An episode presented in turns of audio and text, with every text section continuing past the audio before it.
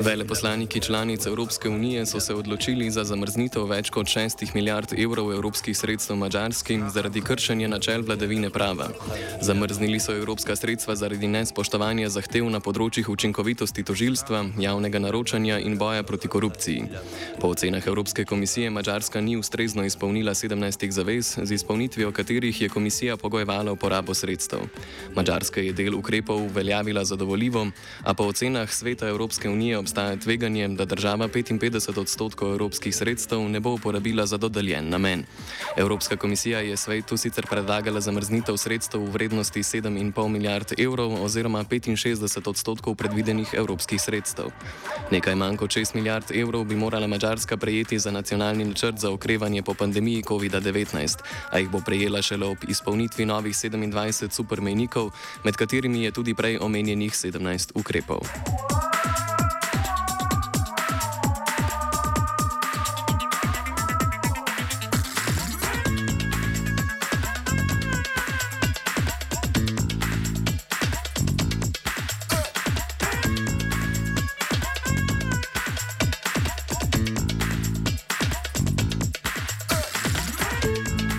Evropska unija je zaradi nasilnega zatiranja protestov in dobavljanja dronov v Rusiji uvedla nove sankcije proti Iranu. Zaradi zatiranja protestov je na seznam sankcioniranih dodala 20 posameznikov, med njimi vrhovnega poveljnika iranske vojske Abdul Rahima Musavija in vodje regionalnih sil revolucionarne garde ter iransko državno televizijo Islamic Republic of Iran Broadcasting. Zaradi dobavljanja brezpilotnih letal Rusiji za uporabo v vojni v Ukrajini pa je sankcioniranih 8 oseb, med drugim vodja iranskih zračnih sil Hamid Vahedi.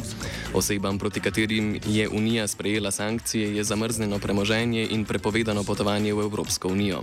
Sankcije proti skoraj 30 osebam je Evropska unija sprejela, ker se protesti v Iranu po smrti Mese Amini nadaljujejo in ker so iranske oblasti usmrtile dva protestnika.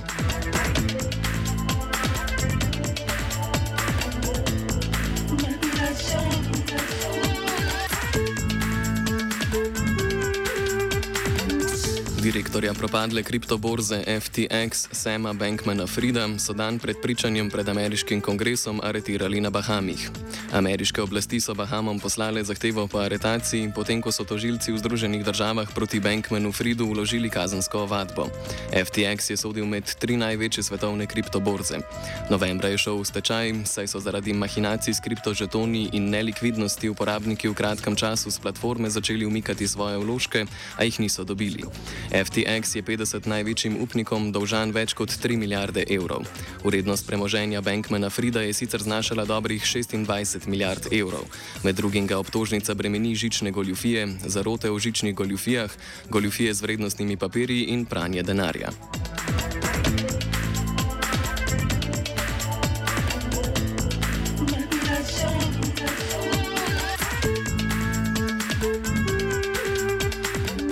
Braziliji so podporniki nekdanjega predsednika Jaira Bolsonara poskusili napasti sedež policije v Rio de Janeiro.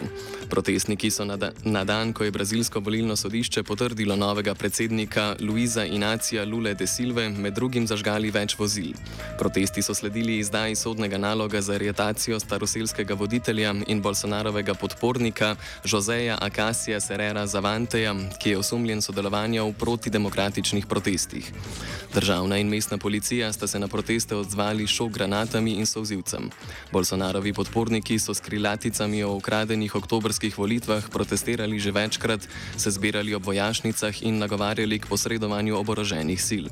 Bolsonaro uradno še ni priznal poraza, a je dovolil izvršitev procesa menjave predsednika. Lula bo za predsednika imenovan 1. januarja prihodnje leto, z imenovanjem članov svojega kabineta pa je že začel smo se osamosvojili, nismo se pa osvobodili. Naslednje število je še 500 projektov. Izpiljene modele, kako so se strani nekdanje LDS rotirali. Ko to dvoje zmešamo v pravilno zmes, dobimo zgodbo o uspehu. Takemu političnemu razvoju se reče udar. Jaz to vem, da je nezakonito, ampak kaj nam pa ostane? Brutalni obračun s politično korupcijo. To je Slovenija,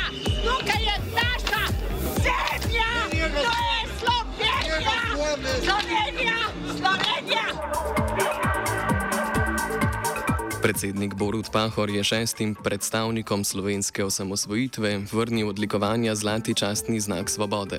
Janez Janša, Jelko Kacin, Igor Bavčar, Dimitri Rupel in Janez Bučar v imenu očeta Franceta so danes bili končno pripravljeni sprejeti priznanja, ki so jih leta 1993, ko, jim, ko jim jih je podelil takratni predsednik države Milan Kučan, iz protesta vrnili.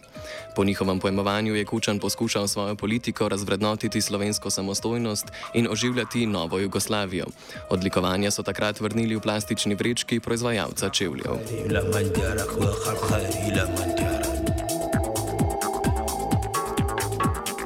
صراحة الخير لا من جارك وخير لا من Vodstvo Radio Televizije Slovenije je sindikatom delavcev radiodifuzije Slovenije in sindikatom kulturnih in umetniških ustvarjalcev RTV Slovenija podpisalo aneks za odpravo plačnih nesorazmerij za najnižje plačane poklice. Aneks ureja plače več kot 130 poklicev v produkciji in na umetniškem področju, ki so bili glede na zahtevnost svojega dela uvrščeni v napačne plačilne razrede in posledično podplačani. Z dvigom plač, ki bo stopil v veljavo z januarjem, je vodstvo po lastnih trditvah razrešilo razkrilo eno izmed stavkovnih zahtev koordinacije novinarskih sindikatov RTV. V kolektivu RTV smo, ki je sodeloval pri podpori stavkovnih aktivnosti, opozarjajo na sedmi člen aneksa. Aneks določa, da tistim, ki se jim prekine pogodba o zaposlitvi brez posebej podanega izrecnega soglasja, pripada odpravnina v vrednosti toliko bruto plač, kot bi jih po pogodbi še prejeli, vendar največ v vrednosti 20-kratnika osnove. Delavcu, ki mu ponovno stopi v veljavo pogodba o zaposlitvi za delovno mesto, ki ga je pred predtem že opravljal, pa ponovem pripada odpravnina do največ sedemkratnika osnove. Po mnenju kolektiva RTV Smo je vodstvu s tem členom uspelo poskrbeti za svoje najožje sodelavce. Več o podpisu aneksa in njegovem ozadju po pove Helena Milinkovič, predsednica stavkovnega odbora zaposlenih na RTV Slovenija.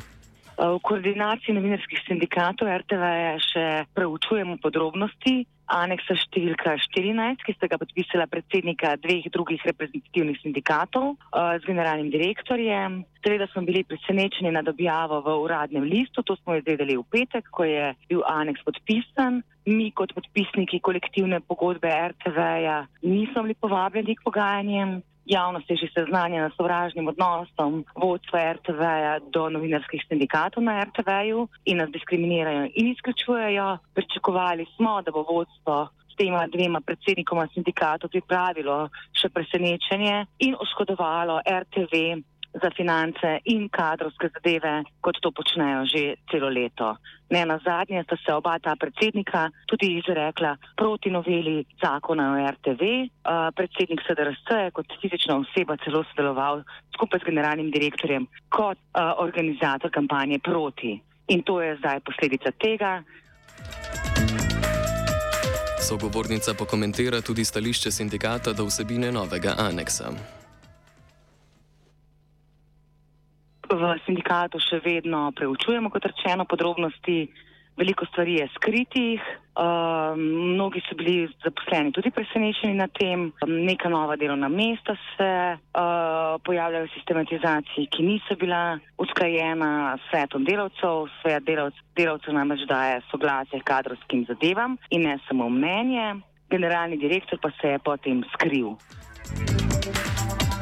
Andreju Grahu Watmau je še pred razrešitvijo uspelo podpisati aneks, čeprav že več kot teden dni ne podpisuje pogodb in dokumentov. Glasovanje o njegovi razrešitvi, ki bi moralo potekati na včerajšnji redni seji programskega sveta RTV, so prestavili zaradi njegove bolniške odsotnosti. Po ugotovitvah predsednika programskega sveta Petra Gregorčiča, svet zaradi odsotnosti članov ni bil sklepčen in zato ni mogel odločati o programsko-produkcijskem in finančnem načrtu.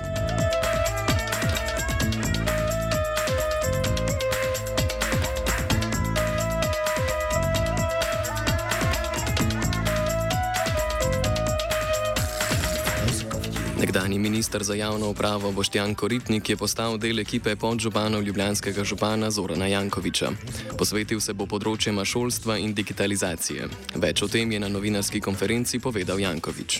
Kolega podžupan je bil zelo dober minister, eden petih une vlade, ki sem jih hvalil. Do Ljubljana je bil korekten, do drugih občin tudi, ker smo dobro sodelovali. V tem trenutku še nismo se odločili za delitev vseh področji, ki bo pokrival, pa zaenkrat bo dubovne za začetek, da so grejene šolstvo in pa digitalizacijo. Zakaj govorim zaenkrat?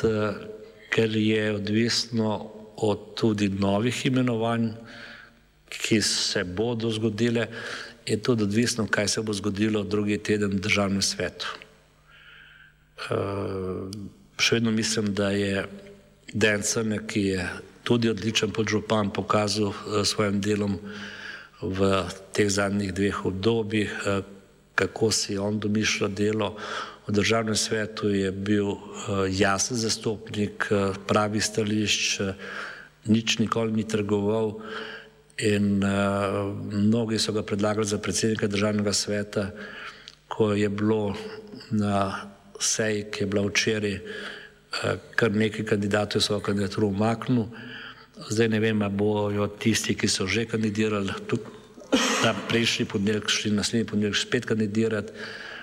Sicer pa pravim, ne, čeprav bi rada dan, da nek ostane tu, ne v mestni upravi,